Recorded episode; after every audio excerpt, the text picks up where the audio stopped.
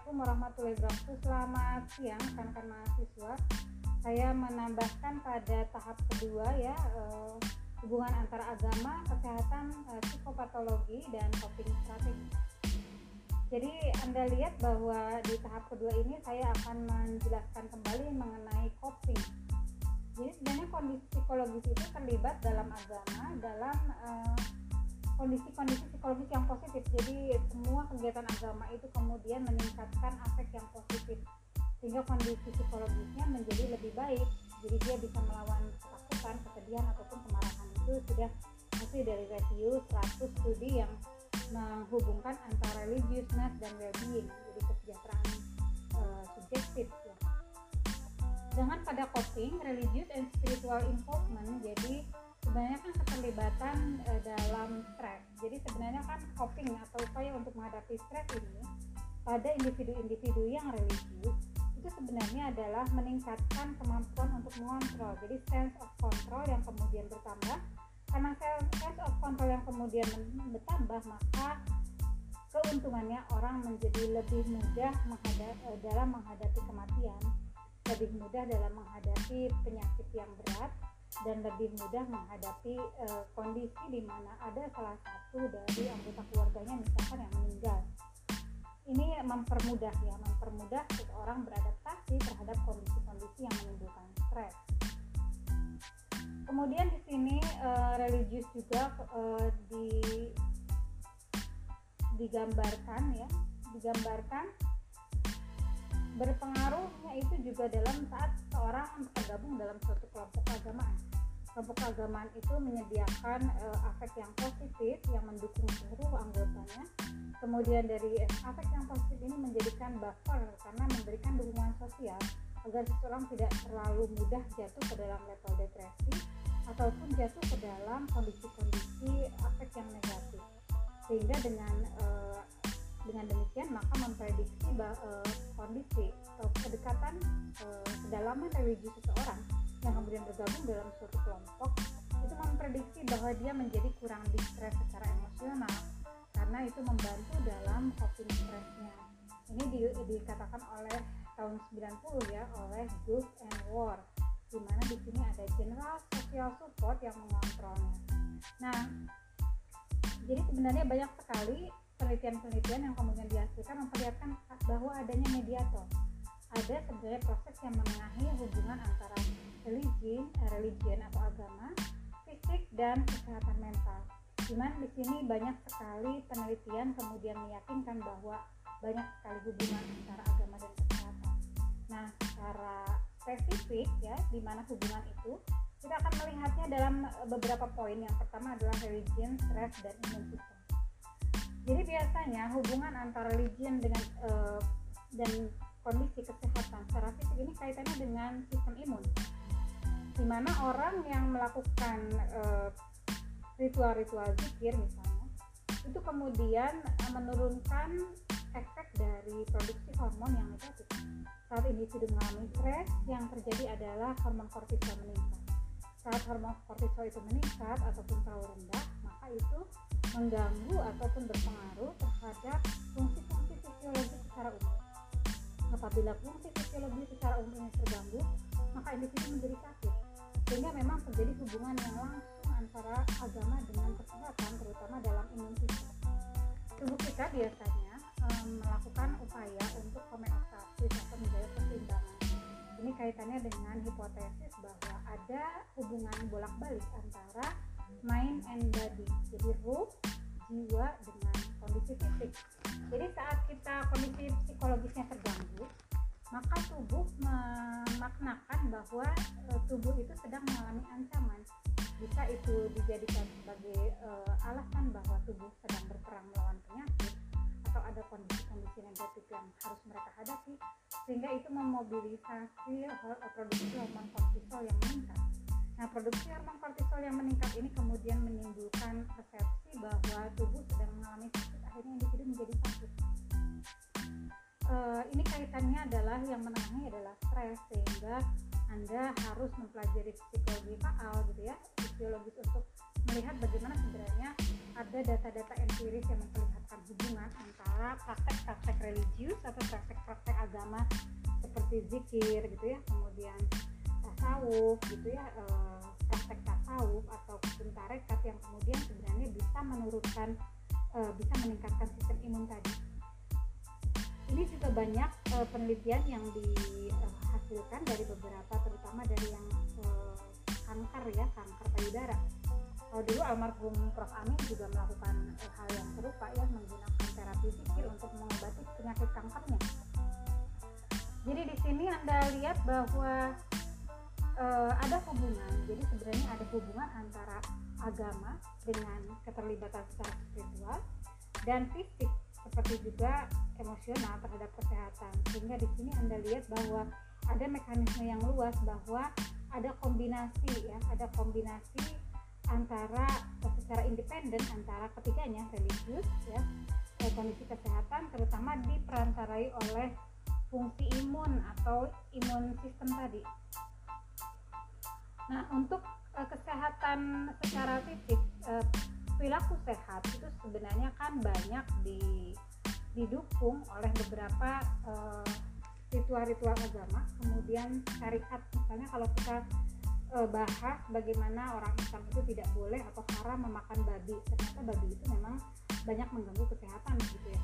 Sehingga uh, perilaku untuk tidak makan babi kemudian tidak merokok tidak meminum minuman keras kemudian penggunaan obat yang beresiko ya terhadap fisik itu banyak diatur oleh uh, syariat gitu ya sehingga itu juga mempengaruhi bahwa perilaku kesehatan itu banyak didukung oleh uh, agama juga.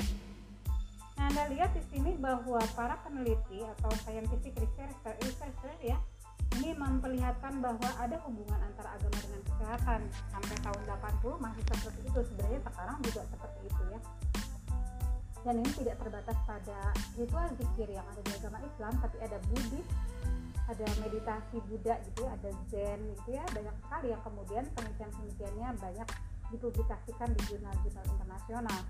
Nah beberapa metodologi yang kemudian concern terhadap stres ya ini sebenarnya digambarkan bahwa melalui self report atau uh, self report kemudian dilakukan pengukuran ternyata memang terdapat terdapat hubungan antara keduanya di mana beberapa pengukuran kesehatan itu sebenarnya banyak yang dilakukan dengan self report kemudian data self report itu memperlihatkan bahwa individu yang religius dan spiritual itu cenderung uh, kondisi fisiknya lebih sehat daripada yang tidak melakukannya gitu ya tidak melakukan ritual-ritual yang berkaitan dengan uh, agamanya.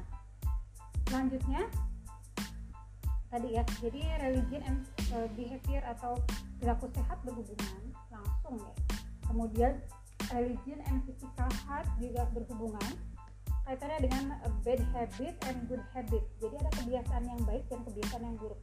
Seperti yang paling sederhana kan sebenarnya saum gitu ya puasa puasa itu kan sebenarnya membuat tubuh kita menjadi lebih sehat. Kemudian juga di sini ada beberapa relationship atau kekuatan hubungan yang kemudian membuat kita uh, meyakini bahwa sebenarnya ada hubungan antara agama dan kesehatan. Hanya biasanya kendalanya adalah uh, proses pengukuran ataupun alat ukur yang dipergunakan itu kurang bisa memperlihatkan hubungan keduanya ini. Jadi itu yang biasanya Anda pelajari untuk membuktikan beberapa studi empiris tentang dengan tentang hubungan keduanya. Nah, uh, kita lanjutkan di perilaku sehat itu ini banyak dibahas oleh Sarafino ya. Saya sudah membahasnya tadi. Kemudian uh, untuk hubungan religion, stres dan imun sistem sudah saya jelaskan kaitannya dengan hormon kortisol tadi.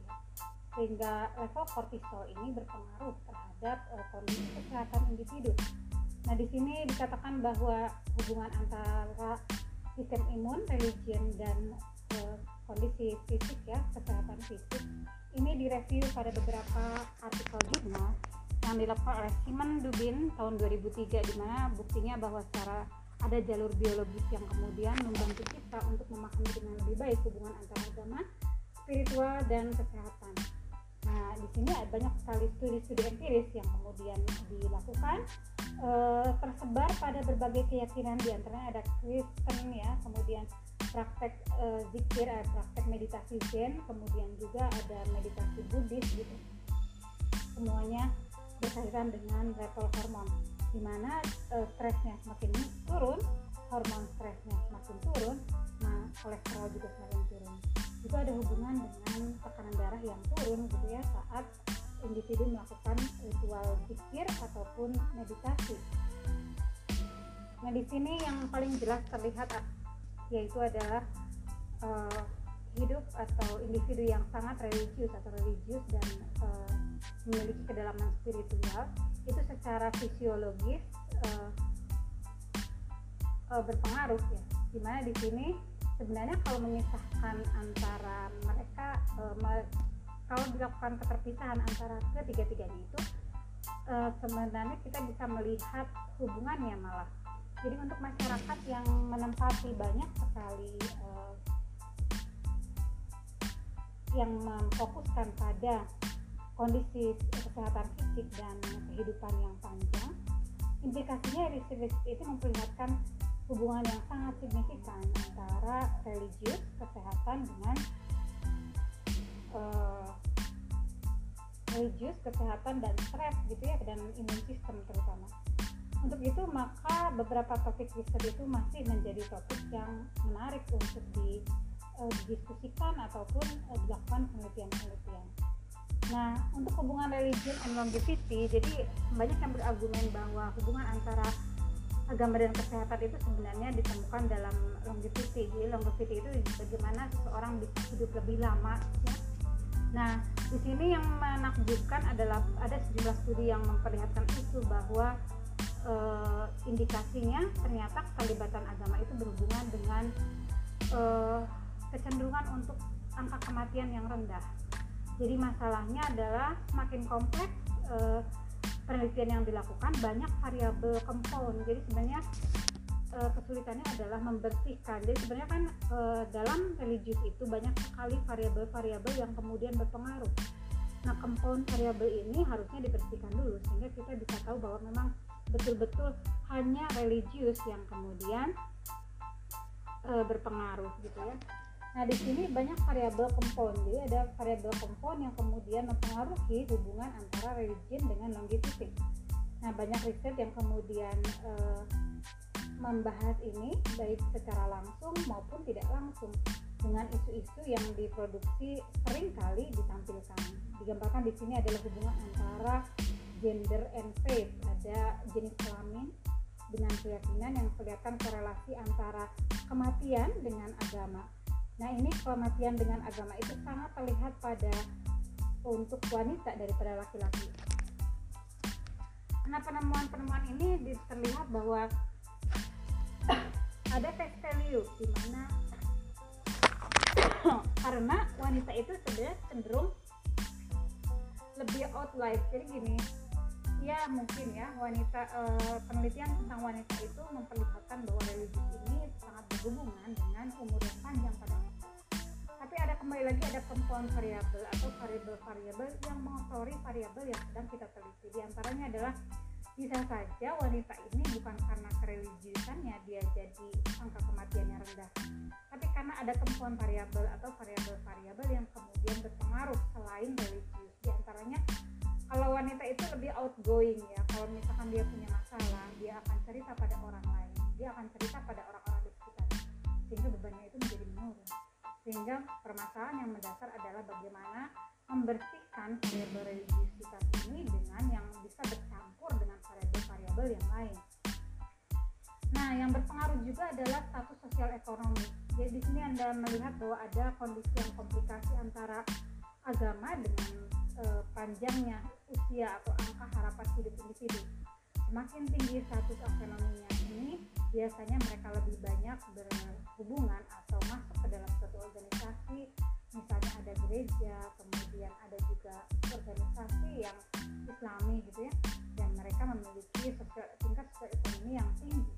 Nah kalau seperti itu maka akan kita lihat bahwa kesehatannya itu akan sangat berkaitan dengan medical services jadi memang mereka sehat karena kan tingkat ekonominya tinggi kalau tingkat ekonominya tinggi berarti mereka lebih banyak punya kesempatan untuk e, melakukan pemeliharaan kesehatan begitu ya dengan fasilitas-fasilitas kesehatan yang ada.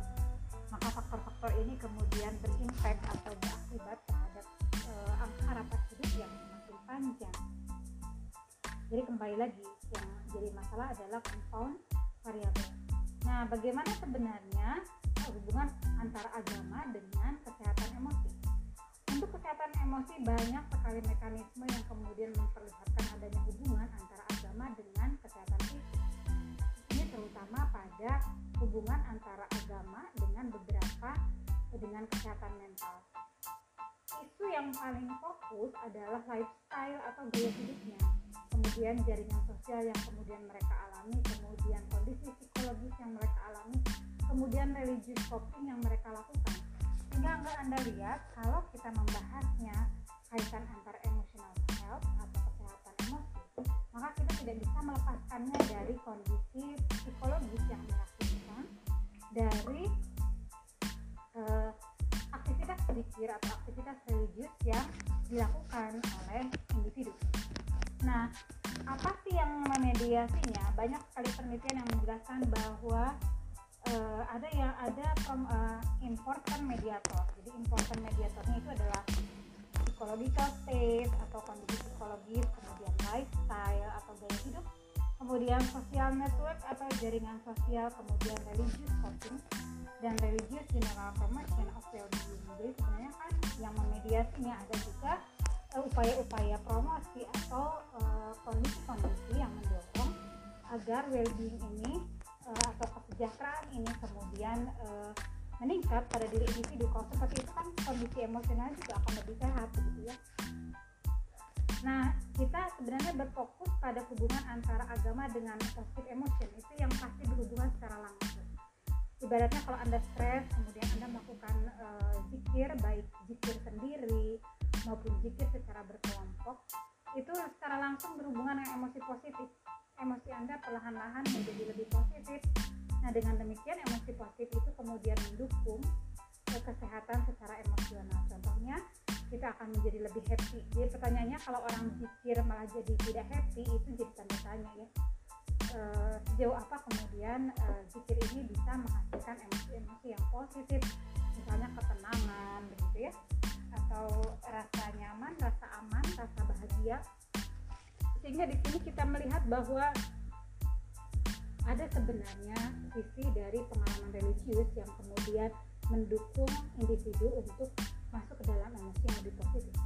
Jadi kita diskusikan bahwa beberapa emosi seperti emosi positif, kemudian uh, ketenangan. Akhirnya di sini kita tidak meyakini bahwa agama itu sama dengan kesehatan mental, tapi sebenarnya agama itu kemudian dengan beberapa variabel yang memperantaranya itu menimbulkan emosi positif dan kondisi psikologis yang lebih positif. Nah, e, nanti mungkin di, di apa di hal di kesempatan yang lain kita akan melihat bagaimana kemudian agama itu kemudian memediasi ataupun berhubungan dengan kondisi psikopatologi. Nah, sebelum kita menjelaskan uh, emosi yang spesifik, uh, psikologi agama kemudian menolak begini. Ketika kita membahas tentang psikologi agama, maka kita akan menggali bahwa sebenarnya banyak sekali orang yang kemudian secara religius dan uh, memiliki pengalaman spiritual dan religius. Nah, pengalaman spiritual dan religius ini menghasilkan uh, komponen emosional yang sangat kuat untuk memberikan nuansa positif ataupun negatif pada diri individu. Emosi itu kemudian dikenali sebagai teologial. Jadi sebenarnya kalau kita melakukan zikir, kita memiliki perasaan tertentu yang berkaitan dengan pemahaman agama, itu sering kali um, diindikasikan atau diganti atau di waktu di konsepnya dalam teologian gitu ya oleh para teologian gitu ya para individu yang kemudian belajar tentang teologi itu berkaitan dengan pengalaman religius dan kemudian e, banyak sekali psikologi agama kemudian menjelaskan hal tersebut di mana mereka menerapkan emosi itu sebagai pusat jadi sebagai pusat dari kesadaran pusat dari e, pengalaman kesadaran tentang agama jadi memang e, variabel perantaranya ya kondisi emosi tersebut yang mereka peroleh melalui emosional eh, melalui spiritual ataupun religious experience. Nah hal ini kemudian ditolak banyak sekali fakta yang kemudian atau riset dari emosi ini yang kemudian menolak di mana sebenarnya ada kondisi psikologis atau psikologikal domain yang tidak diragukan lagi bahwa itu adalah menjadi bagian yang sulit dari diri individu.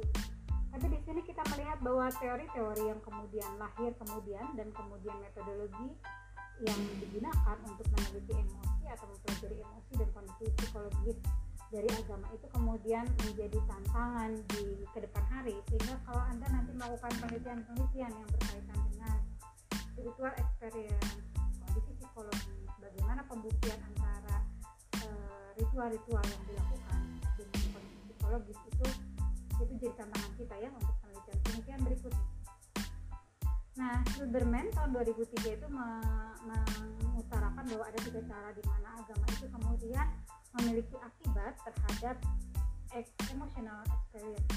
Yang pertama, agama itu menolak individu untuk mendefinisikan apa sih yang tepat, emosi yang tepat, emosi yang tidak tepat, ekspresi emosi yang betul, ekspresi emosi yang tidak betul, kemudian mana yang tepat dan intens harus kita rasakan. Yang kedua, konten atau isi dari keyakinan religius itu mengenai keyakinan tentang Tuhan, kemudian bagaimana Tuhan atau Allah itu sangat mencintai kita gitu kan. Kemudian itu kemudian menolong kita untuk menentukan bahwa tipe pengalaman emosi seperti apa yang harus kita miliki. Misalkan kita harusnya secure merasa aman. Kita harusnya bersyukur gratitude kita harusnya saling mencintai gitu ya. Kita harusnya tidak merasa takut. Itu itu yang kemudian mempengaruhi atau memperlihatkan hubungan antara religius dengan tadi yang ketiga, agama juga menyediakan experience atau pengalaman dengan uh, kekuatan emosi yang sangat kuat. Hal ini berhubungan dengan pengorbanan. Jadi kalau kita lihat ya, kalau kita lihat di uh, perang Palestina, kita sangat surprise gitu bagaimana anak-anak yang seharusnya mengalami trauma karena dentuman peluru malah semakin kuat pikirnya. Gitu. Malah kita melihat gambar-gambar bahwa anak kecil yang kemudian tangan kirinya memegang botol, tangan kanannya melempar granat, itu sangat berkaitan dengan powerful emotion. Jadi emosi yang sangat kuat itu menggambarkan bagaimana mereka rela berkorban gitu ya ataupun melakukan mempush semangat untuk berjuang, mempush semangat untuk membela negaranya. Itu kan sebenarnya menyediakan powerful emotion yang kemudian sangat e, berkaitan erat dengan uh, kondisi emosional tadi. Nah, selanjutnya adalah meaning, meaning, purpose, and self-esteem. Jadi pada kita lihat bahwa agama itu sebenarnya unik. Punya posisi yang unik. Kenapa? Karena dia memiliki makna yang global tentang sense of meaning. Bagaimana kita memaknakan hidup. Bagaimana kita memaknakan hidup itu terlibat dalam keyakinan, tujuan hidup, perasaan subjektif, yang kemudian hal itu menyebabkan uh, ini itu terjadi karena apa? Agama itu sendiri sebenarnya itu komprehensif ya menyeluruh komprehensif yang sebenarnya mampu untuk membantu individu untuk mencari sumber-sumber makna. Apa makna keluarga apa makna pekerjaan apa makna hubungan personal dan apa makna-makna value yang kita peroleh dari pembelajaran agama. Kemudian uh, itu digunakan untuk memahami manusia melalui sistem value atau sistem nilai yang diajarkan dalam sistem agama.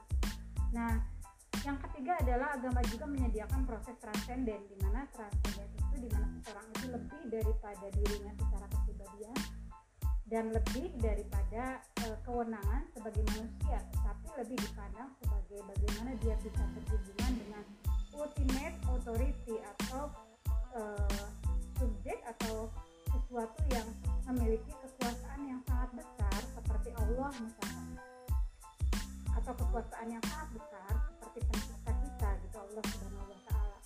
Saat orang terhubung terkoneksi dengan ultimate ultimate authority maka kita bisa mengklaim bahwa kita bisa mengklaim secara langsung bahwa makna hidup ya itu ada di dalam karakter-karakter pengorbanan saat orang mempelajari agama dan pada akhirnya agama itu memperlihatkan eksistensial yang uh, kuat jadi saya sering uh, memberi contoh ya misalkan saya dulu melakukan penelitian e, bagaimana seorang yang berada dalam kondisi yang sangat terpuruk yang sangat e, tragis kehidupannya.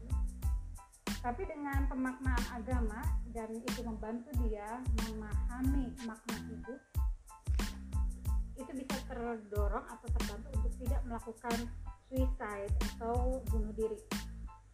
Jadi waktu itu tahun 2000 berapa ya yang uh, 2009an ya 2009 2010 itu banyak terjadi upaya bunuh diri yang dilakukan oleh siswa SMA kelas 3 hanya karena tidak lulus UN sekarang UN dihapus ya kalau tidak salah? Uh, ini sangat kontradiksi dengan subjek penelitian saya. Jadi ada uh, gadis uh, wanita ya. Sekarang dia sudah menikah. Dia menikah tapi waktu itu dia belum menikah. Jadi dia usia 14 tahun kemudian dia punya ibu yang sakit uh, orang tuanya itu kemudian bapaknya memaksa dia setelah umur 14 tahun itu uh, dipekerjakan menjadi pembantu dan dimasukkan ke dalam uh, sebuah yayasan yang menampung uh, pembantu begitu. Ternyata di situ uh, dia uh, sesudah itu dia dapat ini ya dapat tuan yang ternyata pemabuk disekap dan lain-lain dia mengalami uh, periode kehidupan yang buruk kemudian uh, dengan pekerjaan yang setiap malam harus disiksa gitu ya keluar darah dan sebagainya. Karena tuannya itu ternyata pemabuk. Dengan usia yang masih sangat muda kemudian dia memutuskan untuk bunuh diri gitu ya jadi, jadi loncat dari tingkat dua sebuah rumah. Kemudian dia memutuskan untuk mengakhiri hidupnya dengan kondisi uh, kehidupan yang sangat rusak tapi dia tidak jadi karena uh, pemahaman agama itu menolong dia untuk menolak bunuh diri. Karena apa? Kalaupun aku mati apa yang aku peroleh setidaknya? Apa aku akan masuk surga begitu ya?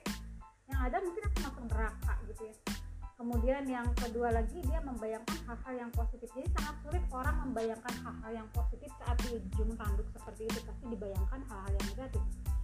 Nah ternyata religious experience itu jadi dia pernah mengalami pengalaman bahwa dia kemudian proses mengajinya itu menyenangkan. Sehingga dia bisa bermain sambil mengaji gitu ya. Dia menghayati kondisi alam yang membahagiakan. Nah saat periode dia mau bunuh diri dia membayangkan itu.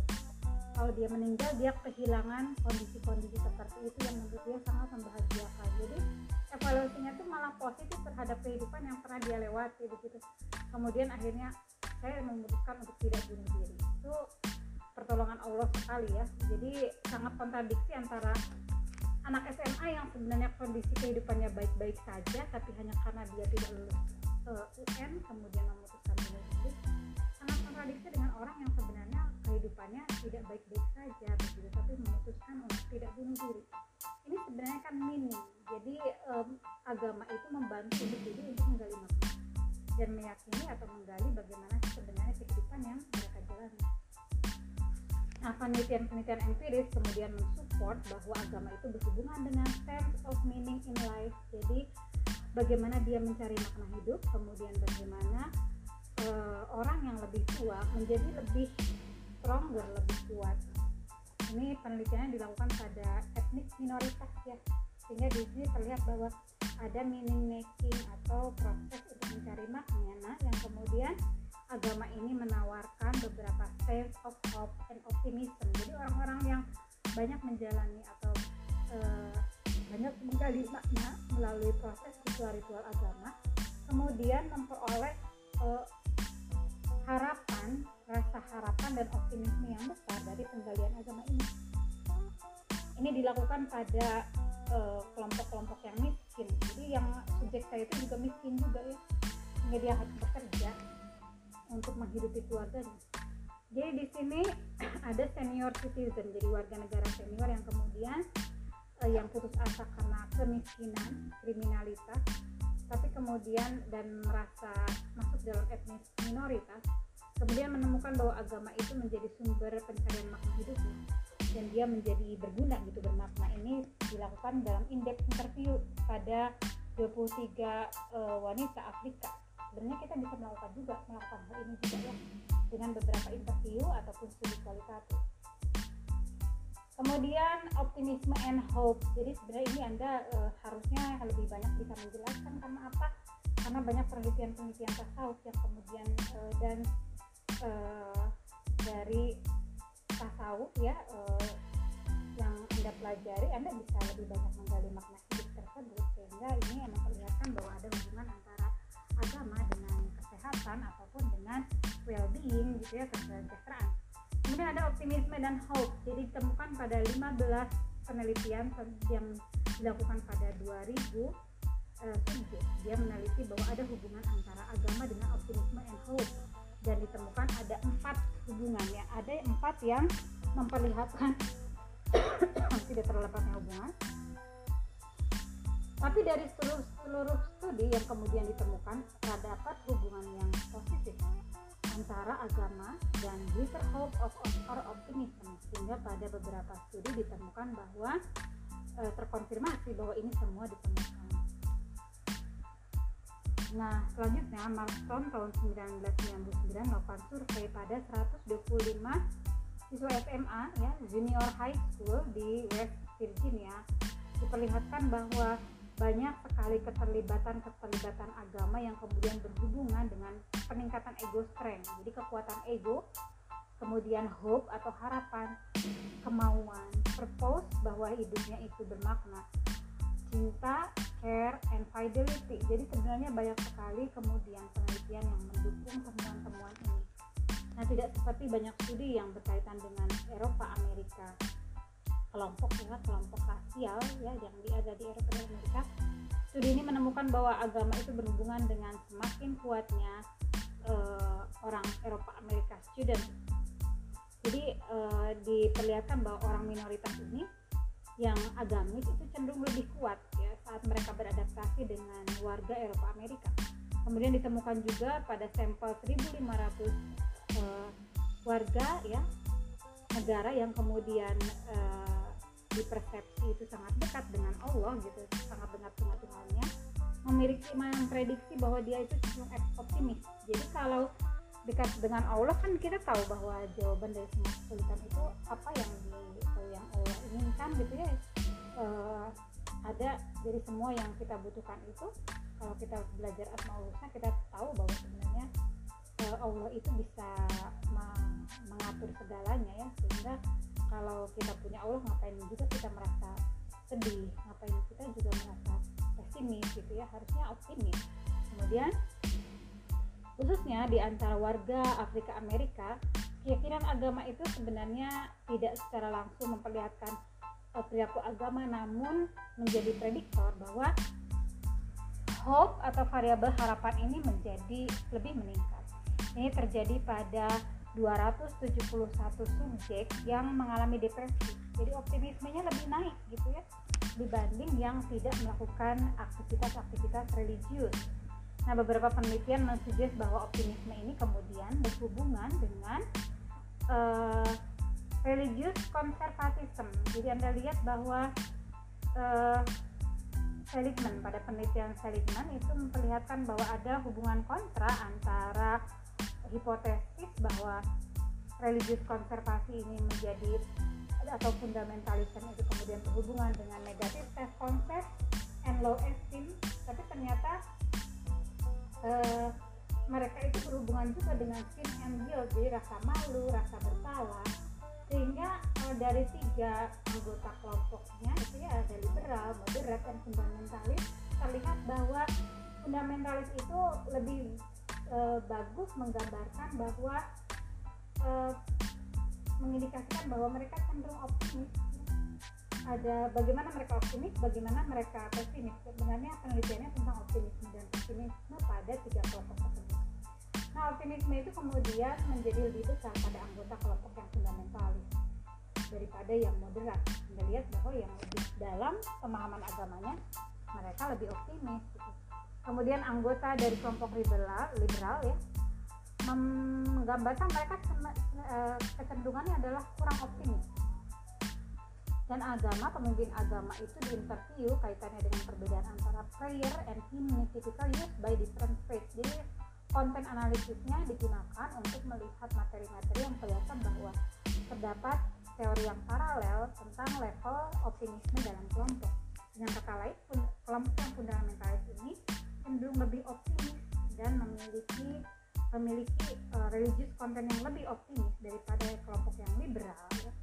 Kemudian uh, itu menyimpulkan bahwa fundamentalisme itu kemudian memperlihatkan lebih hopeful, lebih memiliki uh, tingkat harapan yang tinggi. Terus kurang hopeless, jadi tidak terlalu tidak berdaya gitu. Kemudian uh, dan kurang menyalahkan diri sendiri untuk konsekuensi negatif yang terjadi sehingga itu uh, mungkin uh, masukannya adalah perlu diulangi pada penelitian kelompok lain tapi ini mem, uh, hasil ini memperlihatkan bahwa pemahaman agama ini kemudian memprediksi kecenderungan individu menjadi hope menjadi optimis dibanding yang kelompok yang lain Nah, Snyder, Simon, and Friedman itu menyarankan bahwa agama itu memiliki kapabilitas yang unik untuk menyediakan hope karena apa? Dia menyediakan tujuan yang jelas, tujuan hidup yang jelas, kemudian mendukung uh, jalur atau jalan yang uh, menggambarkan bagaimana individu kemudian berpikir untuk mencapai tujuannya dan menyediakan insentif untuk memotivasi seseorang mencapai tujuannya. Untuk itu maka konteks dari agama itu mengenai hope itu menyediakan uh, uh, baper saat individu mengalami kehidupan yang buruk.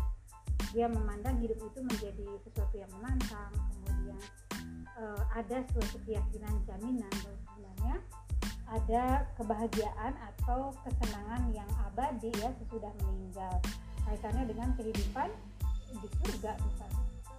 Kemudian di sini uh, sacred emotion. Jadi ada emosi yang berkaitan dengan pengorbanan kemudian kebersyukuran. Ini rekan-rekan mahasiswa saya memberikan uh, ringkasan yang sebagian besar saya gambarkan inti-intinya. Untuk itu untuk makalah yang minggu depan harus Anda perbaiki karena saya lihat Anda masih mengambang. Jadi kenapa saya banyak menjelaskan? Karena saya membaca makalahnya itu sangat kurang menyentuh substansi begitu ya. Maka saya minta anda menambahkan bagaimana yang uh, sesuai sesuai textbook kaitannya dengan uh, psikologi agama ya dari Ralph minimal itu ada sacred emotion emosi yang menggambarkan pengorbanan ya. Jadi anda tambahkan sekarang bagaimana agama itu berhubungan dengan uh, emosi pengorbanan kemudian kebersyukuran karena anda dari tahu anda harus bisa membuktikan itu gitu ya. Humility gitu ya. Kemudian juga e, bagaimana dinamika psikopatologinya. Jadi kan kalau saya gambarkan aja karena ini memang e, ranahnya psikologi. Jadi pada agama itu tadi sudah kita bahas berhubungan dengan mental atau kesehatan yang baik. Kemudian secara psikologis maupun secara fisik. Nah hubungannya itu dengan apa? Saat kita membahas psikopatologi hubungannya adalah dengan masalah-masalah psikologis. Misalnya agama itu dapat menyediakan ekspresi bagi mental disorder. Jadi orang yang terganggu secara mental saat dia cemas maka kecemasan itu bisa dia ekspresikan kemudian dia luapkan kemudian dia gunakan dalam zikir gitu. Kemudian sehingga agama itu menyediakan uh, sarana untuk mengekspresikan berbagai gangguan yang dia alami kemudian institutional faith ini sebenarnya kan kalau kita terlibat atau terikat dalam suatu agama kemudian dia kita bergabung dalam suatu kelompok agama yang terjadi maka kelompok agama itu menyediakan social support tadi. Kemudian membantu individu untuk uh, mensupres jadi uh, mungkin ada dorongan-dorongan negatif yang ada dalam diri kita yang menyebabkan kita stres. Nah keyakinan-keyakinan dan ajaran-ajaran agama itu kemudian membantu kita untuk menekannya Kemudian agama juga menyediakan protektif agensi, jadi e, menyediakan sumber-sumber yang bisa e, melindungi individu dari gangguan mental, misalnya puasa, gitu ya. Kemudian bagaimana kita harus bersabar, itu kan sebenarnya upaya protektif untuk gangguan mental. Kemudian spiritual komitmen, jadi ada komitmen secara spiritual yang menyebabkan individu itu terlibat dalam terapi jadi kalau terapinya itu sesuai dengan keyakinan agamanya maka individu akan semakin yakin gitu tentang terapi yang akan dijalani. Anda bayangkan anda misalkan berkonsultasi dengan psikolog. Psikolognya itu punya background agama. Anda yakin tentang keyakinan agama tertentu dan keyakinan agama itu sejalan dengan terapi yang dilaksanakan maka itu akan memperkuat fungsi terapi yang kemudian dia jalani. Dan selanjutnya adalah religion can be stressor jadi tapi sisi negatifnya sebenarnya bisa saja agama ini menjadi sumber stresor apabila nilai-nilai agama itu kemudian membahayakan kesehatan. Misalnya saja gini uh, tidak apa-apa uh, kamu tidak makan ya. Ini yang sangat prinsipil. Uh, tidak makan beberapa hari gitu toh Allah akan uh, memberikan rezeki ataupun energi yang sebenarnya energi spiritual itu kan datang dari Allah. Tentu saja kalau anda tidak makan dan itu memang tidak sesuai dengan syariat ya. Kita mau uh, memprioritaskan kehidupan akhirat tapi bukan berarti bahwa uh, kita tidak memenuhi kebutuhan fisik juga. Itu kan kesannya menjolimi.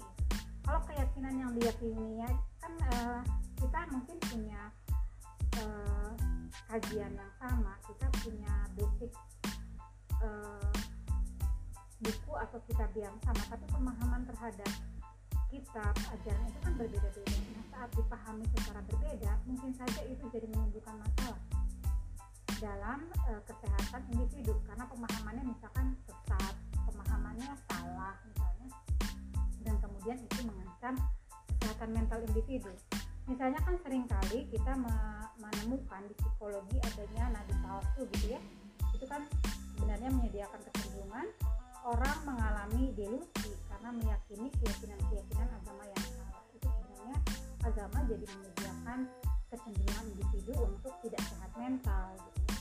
kemudian ekspresi mental disorder itu kaitannya dengan uh, di sini di, di kita bahas bahwa aspek-aspek dalam keyakinan agama dan pengalaman agama itu kemudian bermakna e, terhadap individu apabila itu kemudian mengganggu kejiwaannya. Misalnya anda biasa saja nanti kalau e, eh, KKN ya kalau KKL di rumah sakit jiwa anda akan melihat beberapa individu yang sebenarnya religius tapi kemudian masuk rumah sakit jiwa karena meyakini keyakinan-keyakinan yang tidak tepat Nah, contohnya di sini ada orang yang menderita uh, gangguan mental karena dia mengalami delusi dan halusinasi berkaitan dengan uh, upaya Tuhan dalam um, menciptakan sesuatu.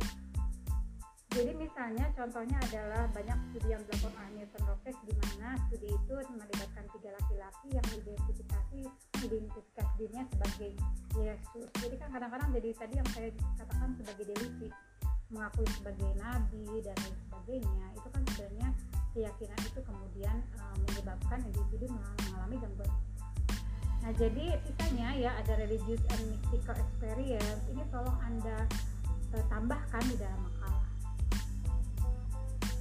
uh, sehingga di sini anda lihat sebenarnya memang agama itu bisa berkaitan dengan gangguan mental kemudian mengalami dinamika sakit mental di psikopatologi ya terutama dalam kasus-kasus delusi kemudian e, bagaimana religius itu berkaitan dengan mystical experience kemudian mengganggu e, secara psikologis ya.